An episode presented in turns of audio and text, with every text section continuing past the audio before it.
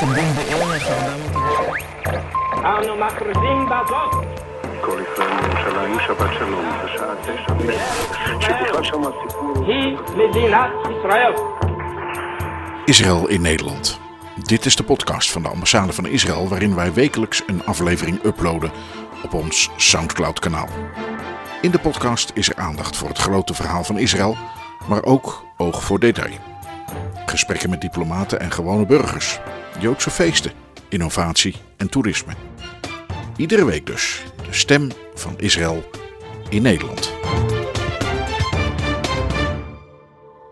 Van harte welkom bij deze aflevering van Israël in Nederland, de podcast van de ambassade van Israël in Den Haag. Uw vaste plek voor verhalen en informatie over Israël, de Joodse wereld en de relaties tussen Nederland en de Joodse staat. Mijn naam is André Diepenbroek en ik ben uw gastheer. Vandaag is het Yom HaShoah, Holocaustherdenkingsdag.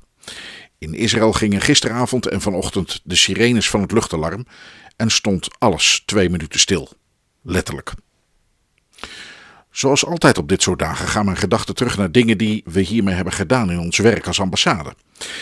Ik kwam uit bij de grootste Yad Vashem uitreikingsceremonie in 2019, het jaar voor corona de wereld in zijn greep kreeg. In de oude hervormde kerk van Dirksland op Goeree Overflakkee werden de vader en de grootouders van tandarts Gerrit-Jan ten Voorde geëerd.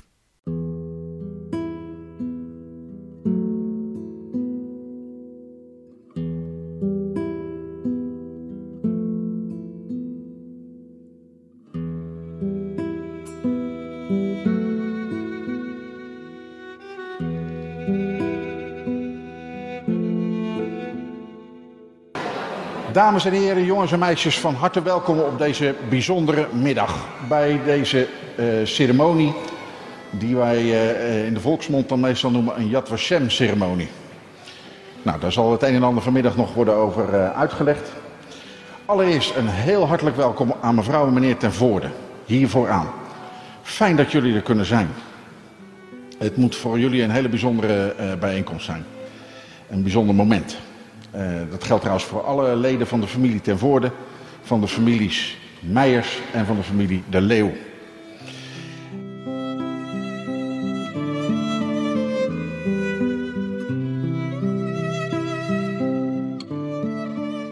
Dear family members and friends of the honored and the rescued Deputy Mayor Dear guests, and I'm especially glad that so many young people are here with us today.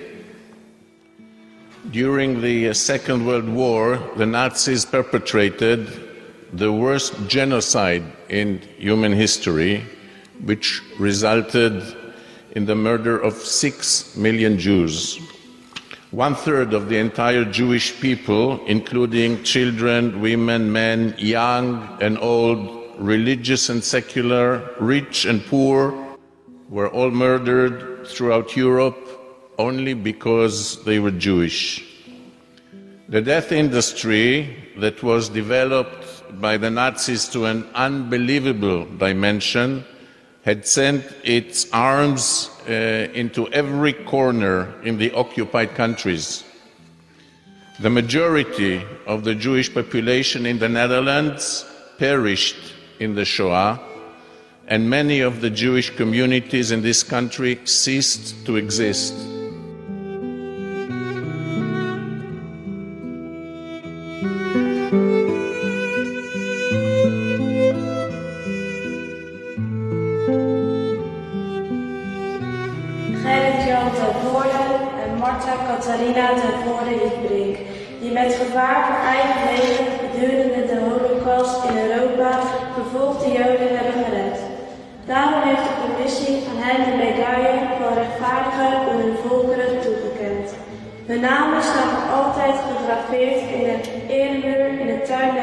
Der rechtvaardigen bij in Jeruzalem. Please sit down so you can see that I'm handing uh, the certificate and the medal.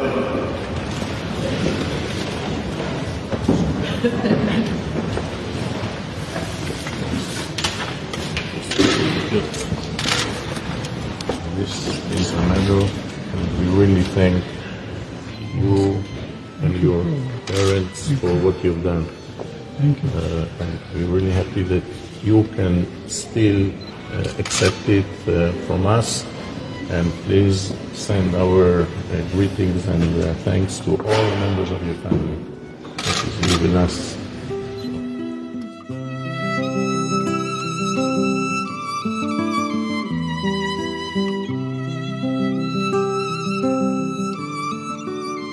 Je hebt het kunnen zien vanmiddag bij de bijeenkomst hier in de kerk. Dat er heel veel ontroering was. Ik, eh, achter mij zaten jonge mensen die ontroerd waren door de toespraken en de muziek die daarna kwam. Dus het is heel belangrijk dat deze jonge mensen hier zijn. De generatie eh, die de oorlog mee heeft gemaakt, sterft langzaam uit. En het is heel goed dat de nieuwe generaties zich ervan bewust zullen zijn dat wat er kan gebeuren als je niet alert bent, wat er kan gebeuren als je maar meeloopt achter een vlag, domweg en niet eens weet waar je mee bezig bent. Daar wordt voor gewaarschuwd en dat is het belang onder andere van deze Yad Vashem onderscheiding.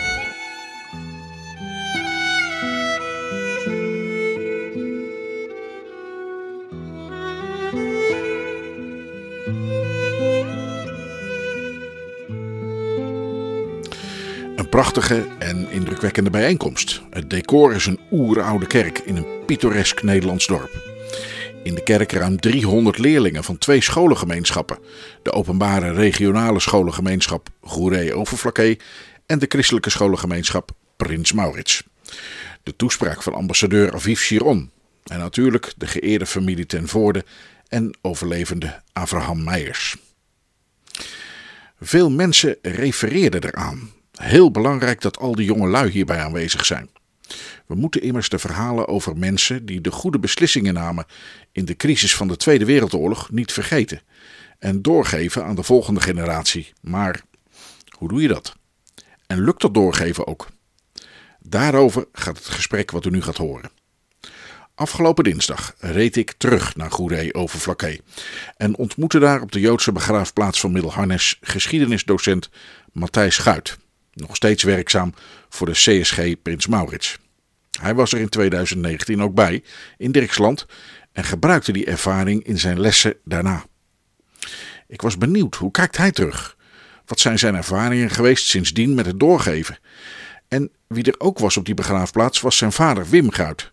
Het zaadje van de belangstelling voor de oorlog en de Shoah plantte hij in het hart van zijn zoon Matthijs. En hij gaat daarmee door bij de kleinkinderen, Nienke en Jelmer, de kinderen van Matthijs. Een gesprek over herinneren, belangstelling wekken en de noodzaak van doorgeven. Het decor is de geschiedenis van Joods Vlakkee, die eindigde in de Shoah. Een sombere dag met wind en koude sneeuwbuien.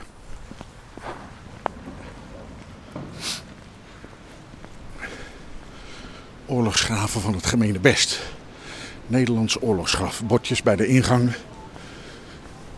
van begraafplaats op uh, in Middelharnis. En links van mij zie ik een klein vak.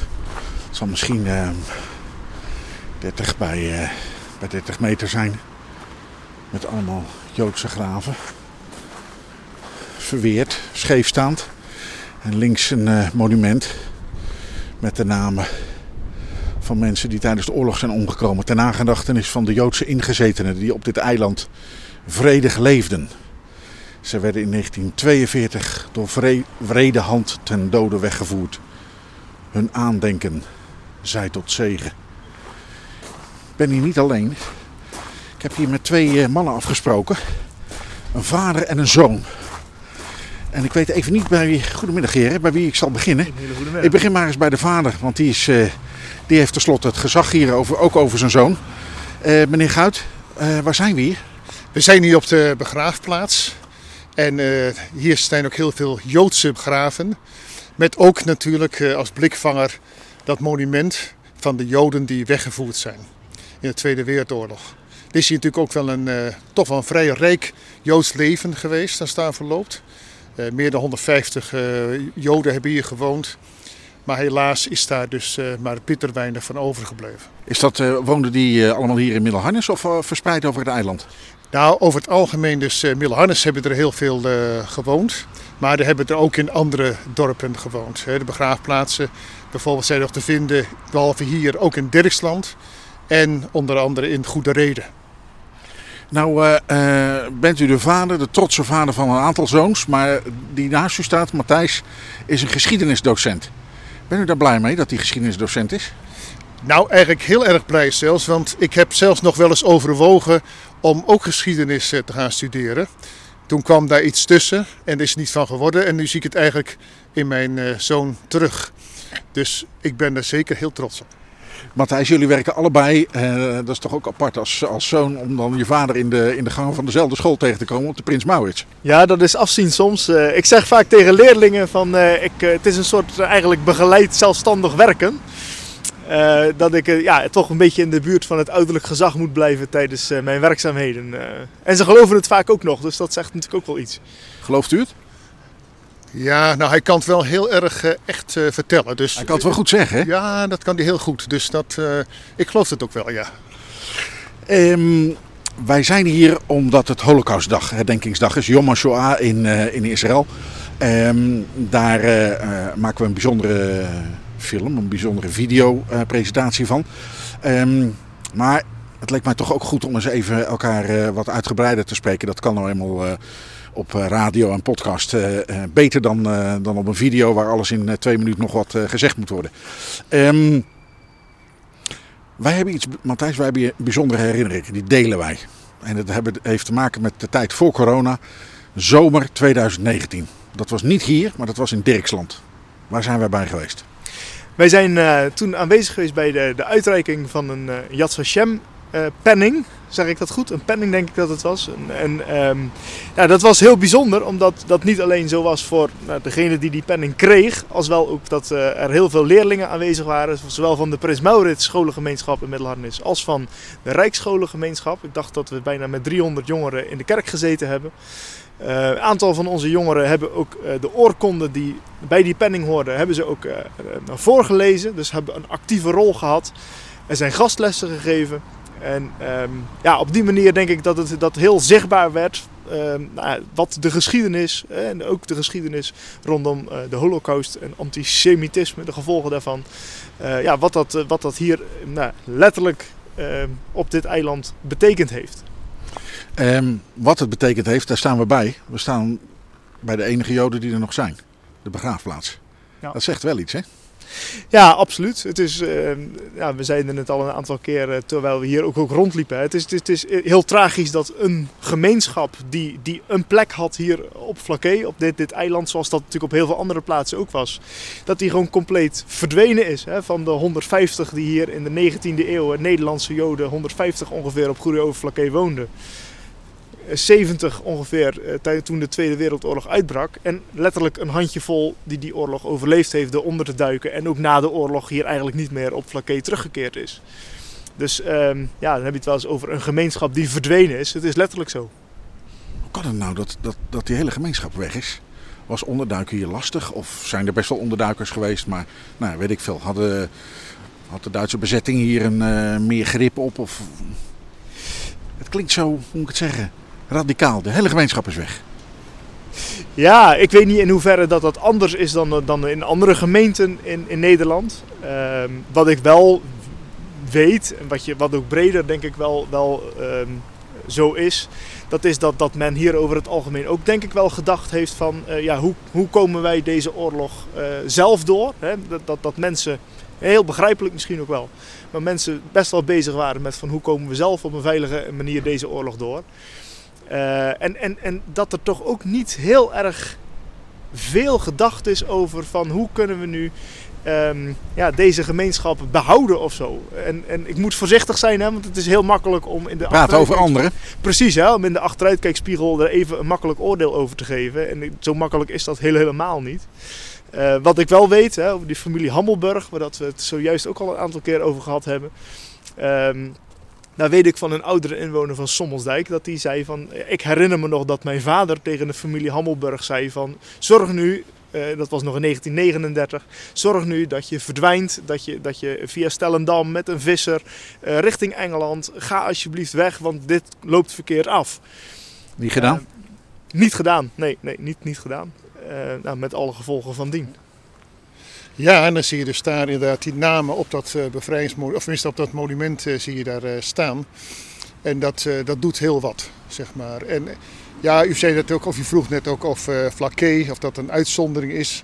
Ja, als je ook rekent dat er natuurlijk van de 140.000 Joden die hier gewoond hebben in Nederland, dan toch 102.000 het niet hebben overleefd.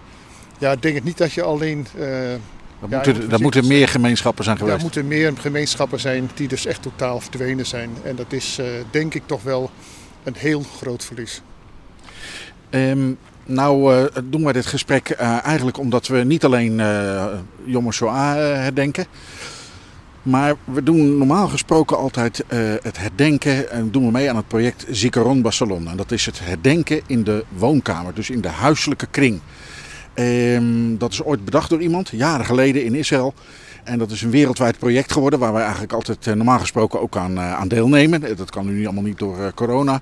We proberen dat op een andere manier dan een beetje in te vullen. het grote ding, het grote verschil tussen een ceremonie buiten, hè, met, met nou, laat ik zeggen, een erewacht en allemaal die, die, hè, de, de grote massale herdenkingen. En iets kleinschaligs in je woonkamer is natuurlijk het persoonlijke, de persoonlijke nood. Is die belangrijk? Wat denkt u? Ja, ik denk dat het, uh, dat het heel belangrijk is. Het moet toch ook in het gezin gebeuren. Kijk, wij zijn natuurlijk geen Joden, maar dat je wel ook in je gezin het wel ter sprake brengt. Uh, zeer zeker. Daar ben ik ook erg voor. Matthijs, heel... jij hebt zelf nu ook kinderen, kleintjes. Nou, kleintjes, jongen.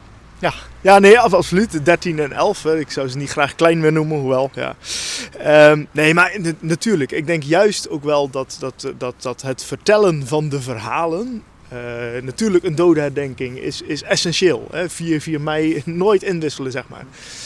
Um, maar dat je daar daarnaast met name aandacht geeft aan, nou, of zij in een klas of in je gezin, aan, aan meer die, die, de persoonlijke verhalen, desnoods met een voorwerp wat je wat herinnert aan, of, of een monument, of het gewoon er zijn en een soort van met je neus op de feiten gedrukt worden, uh, de mogelijkheid hebben om te reageren, vragen te stellen.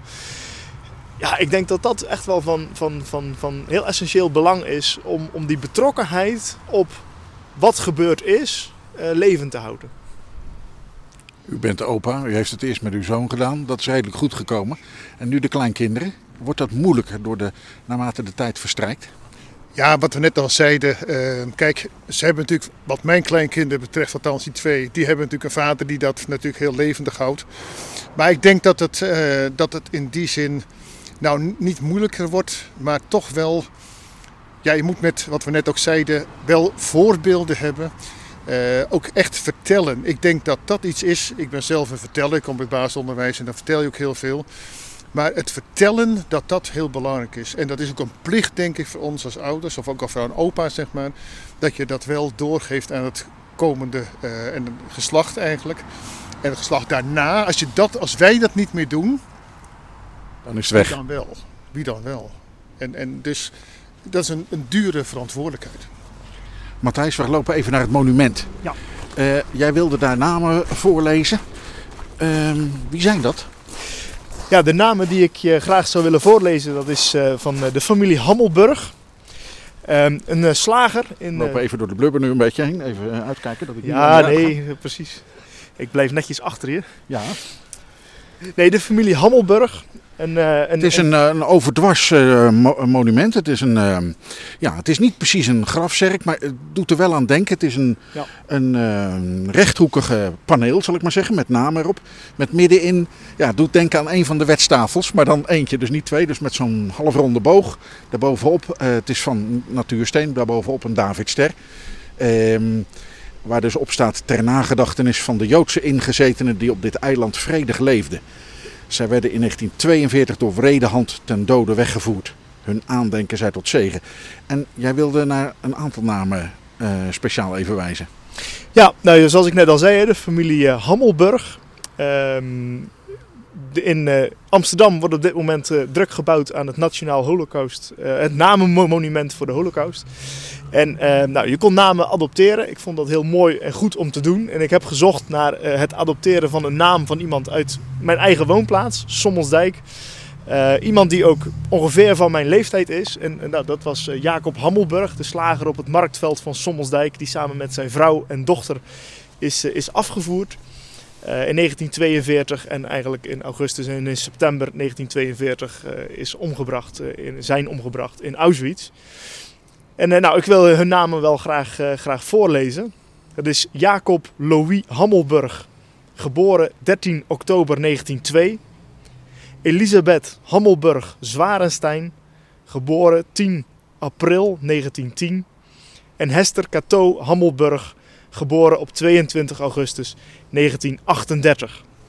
En dan is er ook nog een broer van Jacob, die, eh, dat weet ik niet precies hoe dat zit, maar die in elk geval op het, eh, het moment van de Tweede Wereldoorlog ook in Sommelsdijk verbleef. Simon Hammelburg, geboren op 4 december 1905. En ehm, ja, ook hij is eh, uiteindelijk om het leven gekomen. We weten niet precies waar. Ergens eh, staat er, als je opzoekt op namenmonument.nl, dan eh, staat er dat hij ergens in Midden-Europa in een kamp waarschijnlijk om het leven gebracht is, maar is niet bekend waar. Ehm, en zijn vrouw is al eerder afgevoerd. Volgens mij kwam hij uit Sertogenbos. Ehm, zijn vrouw was al weg en waarschijnlijk is hij ja, op zoek gegaan toch naar zijn vrouw, heb ik ergens gelezen. Maar haar nooit gevonden. En wie had u geadopteerd? Dat is eh, Hester Cato Hammelburg. Een eh, jong meisje. En het was eigenlijk ook eh, de wens van mijn vrouw. We- zouden ook meedoen. In ieder geval, daar had Matthijs ons op gewezen. En dan vond zij het wel heel fijn om dan het dochtertje van het gezin te adopteren. Althans die steen. Dus dat is ook gebeurd. We hebben dus daar ook een, een soort certificaat van gekregen. En die is thuis. Kom je hier regelmatig, Matthijs? Nou, ik moet zeggen ehm, dat ik heel lang eh, hier eigenlijk langs reed en nooit op de begraafplaats kwam. Ehm, dat met name eigenlijk toch wel door, door het, het namenmonument. eh, ja, ik ineens eigenlijk, ja, dan ga je, je gaat je een beetje verdiepen. Eh, er bleek dat iemand hier op Goede Overflakkee allerlei fotomateriaal aangeleverd had voor het namenmonument voor de, voor de website. Ehm, en ja, toen ineens gingen er, vielen er allerlei dingen op zijn plek van... hé, hey, er liggen stolpersteinen op het marktveld. Ik had ze wel gezien, maar verder nooit echt bij nagedacht. De koppeling naar van, hé, hey, de naam van de familie Hammelburg staat ook hier op het monument. Ehm, nou, je kijkt naar achter, de achter op de, grafstenen en dan blijken daar meer Hammelburgen te liggen. Hè? Een, een, een Joodse stamfamilie, zoals het dan wel genoemd wordt, die hier al langer, eh, langer woonde. Eh, ja, en ik moet zeggen dat sindsdien het ook wel een plek is. Bijvoorbeeld op 4 mei, eh, ja, dan leggen we ook wel hier als gezin, gaan we hier naartoe, eh, leggen we een steentje op het graf, leggen we een, paar, paar bloemen neer. Ja, het zijn natuurlijk maar hele kleine dingen. En het is ook niet zo dat je hier nu dagelijks komt, helemaal niet. Ja, het wordt dan wel een bijzonder plekje in je gemeenschap of zo. En ik probeer leerlingen daar ook wel mee te nemen. Nu afgelopen jaar door corona heb ik dat niet kunnen doen helaas. Heb ik op de andere manier zijn we wel met het monument bezig geweest. Uh, maar het jaar daarvoor ben ik met de leerlingen ook bij de Stolpersteinen langs geweest. Bij uh, de Schul, uh, althans het, de plaquette die er nog van, van is. We zijn hier geweest. Probeer dan wat, nou, wat fotomateriaal te laten zien. Een verhaal gelezen uit Sterrenkinderen van Clara Ascher-Pinkhoff. Um, ja, zo probeer je in ieder geval ook voor de leerlingen die hier in de buurt wonen... dat het ook niet zomaar een, ja, een verzameling oude stenen is... maar dat het ja, gewoon een plek wordt waar dat ze herinneringen die ze kunnen gaan duiden of zo. Hè? Dat het een duiding krijgt van wat gebeurde hier en wat is hier te zien. En ja, toch de geschiedenis daarachter ook uh, ja, meer bekendheid krijgt voor ze. Het is misschien ook weer heel leuk om uh, even aan te vullen. Uh, Matthijs leest ook fragmenten uit het boek Sterrenkinderen. Dat staat ook op de lijst van Nederlands voor bovenbouw HAVO. En er zijn ook enkele leerlingen, altijd toch wel, die dat boek ook lezen. En ook uh, de boeken dus van Asje Pinkhoff. En, uh, dus dat is ook heel mooi dat je het ook daarin ook levendig houdt. Er zouden daar spreekbeurten over. Dus wat dat betreft houden we de zaak dan toch wel levendig. Het zijn natuurlijk wel boeken die je moet lezen voor je lijst. Maar dan krijgt het toch misschien een, ja. nou, een gezicht misschien zelfs al. Ja, je, je hoopt vooral dat, dat het... Kijk, dat is met onderwijs heel vaak zo. Van je kunt er van alles in stoppen zeg maar, in die leerlingen, wat ze toch weer, weer vergeten. Maar ergens is het ook wel weer een soort van vuurtje aansteken of een zaadje planten of nou, bedenk een beeld. Uh, maar dat je, dat je hoopt dat er bij die leerlingen iets aangaat. Wat ik je al eerder vertelde, dat, dat, dat, dat we, we kijken Schindler's List. Uh, we lezen Primo Levi. We lezen gedeelten van Elie Wiesel.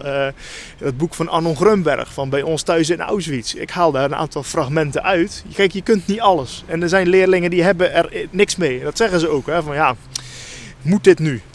En anderen die zeggen van ja, dit wist ik niet. Had ik dit maar geweten. Of, of nou ja, hè, die, die later zelf komen van joh meneer, we zijn nu hier of daar geweest. En ja, je hoopt dat dat gebeurt. Hè, dat op een gegeven moment dat soort uh, ja, interesse gewekt wordt. Dat is misschien nog wel belangrijker dan dat ze nu onthouden van nou hier gebeurde toen dit of toen dat. Maar dat er een bepaalde gerechtheid komt op dit soort uh, ja, informatie, of deze geschiedenis in elk geval. Mannen, houdt het een keer op wat we er ook van vinden?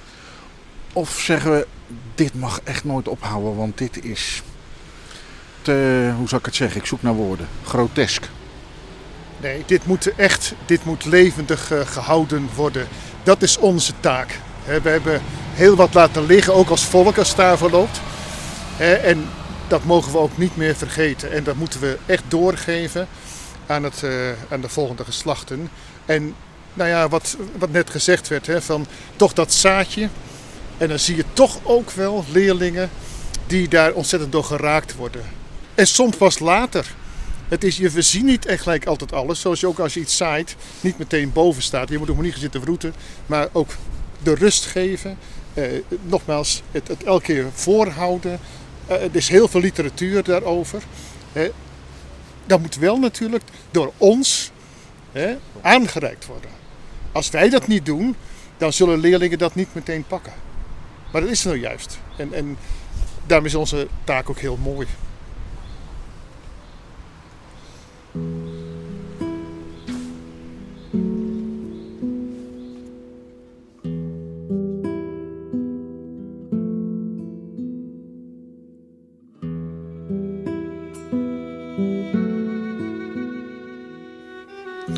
Yom de sneeuw op de Joodse begraafplaats van Middelharnis op Goeree over Vlakke.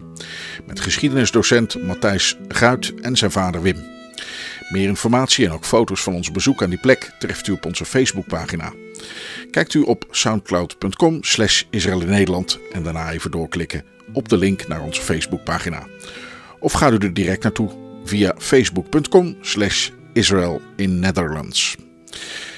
Eigenlijk is deze podcast special de opmaat naar een videoproject over het effect van die grote uitreiking van de Israëlische onderscheiding rechtvaardig onder de volkeren in Dirksland destijds in 2019.